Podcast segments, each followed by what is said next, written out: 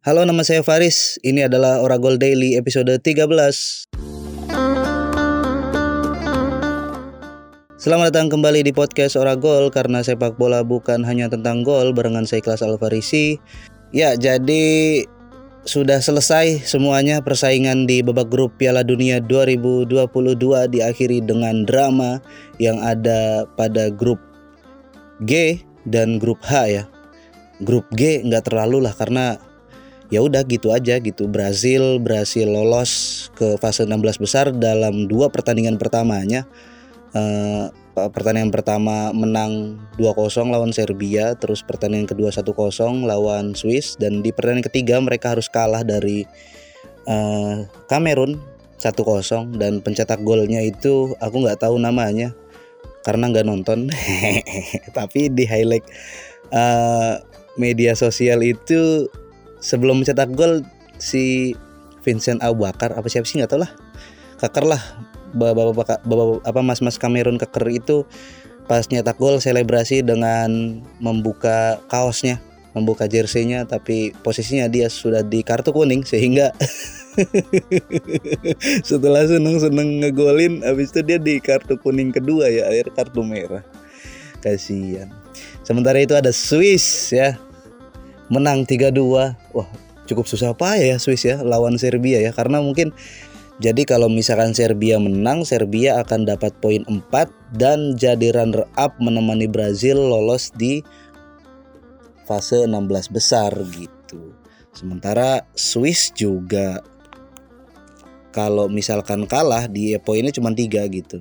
Nah, ini dia menang dengan skor 3-2 si Swiss ini dan poinnya juga akhirnya 6 ya sama-sama 6 eh, seperti juara grupnya Brazil cuman Brazil lebih unggul apa produktivitas gol apa gimana ya nggak tahu lah pokoknya itulah.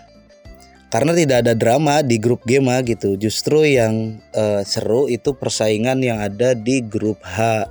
Ketika Korea Selatan yang tampil cukup buruk ya kalau kalau aku yang nilai mah gitu di pertandingan pertama lawan Uruguay 0-0 tidak mampu membuat satu pun tendangan shoot on target. Terus di pertandingan kedua lengah di awal akhirnya kebobolan 2-0 sempat nyamain dua sama tapi kemudian kecolongan lagi 3-2 dan gayanya crossing crossing.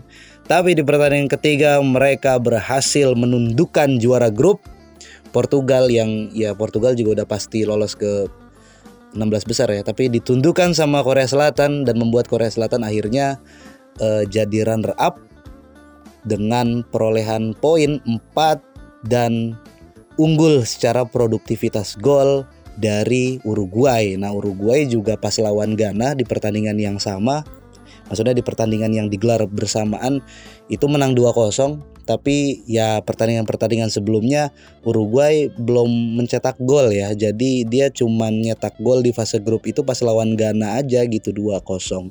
Sehingga hitung-hitungannya hmm, kebobolan dua kali, masukin dua kali dan selisih golnya nol. Sementara eh, Korea Selatan juga kebobolan empat kali tapi mereka berhasil memasukkan gol ke gawang lawan juga empat kali selisihnya sama-sama nol. Nah, andai misalkan Uruguay itu berhasil eh, menang 3-0, Uruguay yang akan lolos. Tapi eh, sudah terjadi semuanya ya. Hanya hanya berhasil menang 2-0 Uruguay dan membuat Uruguay tersingkir sehingga wakil Amerika Latin di fase 16 besar Piala Dunia ini cuman ada Brasil dan Argentina. Sementara wakil Asia itu ada tiga yang ada di fase 16 besar. Ada Korea Selatan, Jepang yang baru saja dikdaya di grup E dan juga Australia ya yang ugly win. Bukan ugly win ugly lolos. Iya karena dia cuma ngegolin dua kali dua eh tiga tiga gol gitu di fase grup.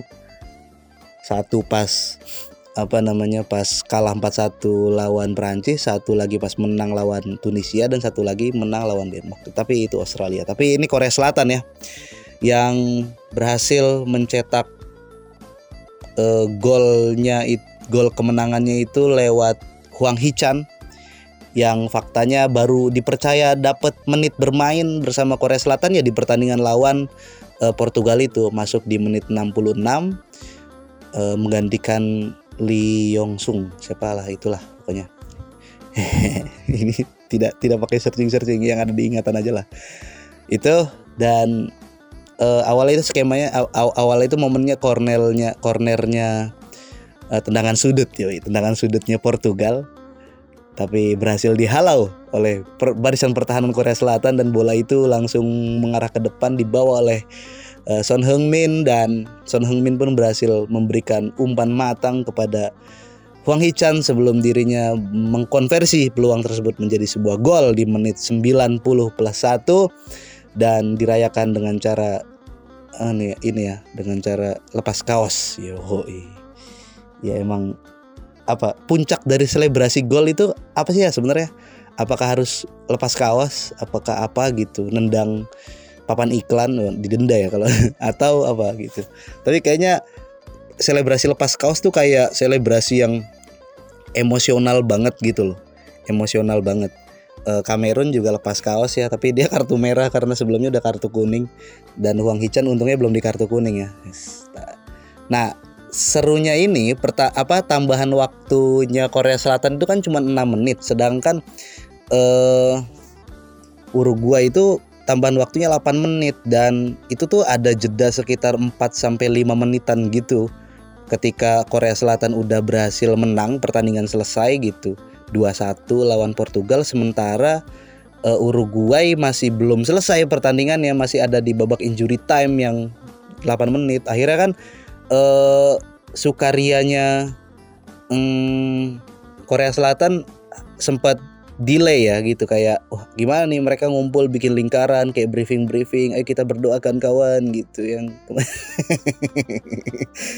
untuk melihat Uruguay gitu. Sementara ya Uruguay pun harap-harap cemas kan ketika mereka awalnya sudah berhasil unggul 2-0 terus di akhir-akhir laga mereka dapat update wah anjing Korea memimpin di menit 90 plus 1 2-1 nih skornya lawan Portugal gitu. Terus Luis Suarez yang yang udah diganti di menit 60-an ya diganti Edison Cavani cuman ya cuman bisa sedih gitu tidak kuasa menahan tangisnya gitu. Ya seemosional itulah Luis Suarez. Emang dia kan dikenal sebagai striker yang sangat loyal ya di mana pun dia bermain gitu di klub mana pun dia loyal. Bahkan kalaupun harus melakukan tindakan-tindakan kontroversial bagi Luis Suarez itu nggak jadi masalah gitu yoi. Beneran dah. Makanya ketika timnya kalah terutama timnas Uruguay gitu yang udah dibelanya sejak 2007 itu harus tersingkir di momen di mana uh, itu adalah Piala Dunia terakhirnya Luis Suarez. Itu bak apa ya kelihatan banget jadi hal yang menyakitkan gitu. Wah nggak sambil ya dia nggak nggak nggak apa namanya nggak kuat gitu kelihatan nggak kuat ngelihat timnya yang lagi masih memborban membombardir uh, pertahanan Ghana ya dia sambil tutup-tutup kayak nonton film horor guys gitu kayak uh, nanti tutup-tutup pakai kaos gitu matanya nanti lihat lagi nanti aduh jangan kalah ya Allah jangan kalah gitu. Ya tapi akhirnya menang sih tapi tersingkir. Itu sakit sakit banget. Ya itu dia. Dan malam ini ketika ya hari hari ini ketika podcast ini direkam sudah mulai langsung digas ini 16 besar ini uh, pertandingan pertama ada Belanda lawan Amerika Serikat dan itu nanti akan direview lah sama Rehan lah. Oh ternyata ada lagi gitu jam jam 10 nya Belanda Amerika Serikat terus jam 2 nya Argentina Australia. Nah, kita lihat nih siapa yang akan mampu lolos ke perempat final. Kita tidak tahu. Terus nikmati ya saat-saat terakhir oh enggak enggak ya momen demi momennya Piala Dunia karena ini empat tahun sekali guys. Soalnya uh, abis Piala Dunia ini ada Piala AFF terus juga ada Piala Asia. Indonesia ikut di dalamnya. Nggak cuman netizennya nggak cuman kor-kor doang. Indonesia nya diajak gitu. Oke sampai jumpa di episode selanjutnya. Bye bye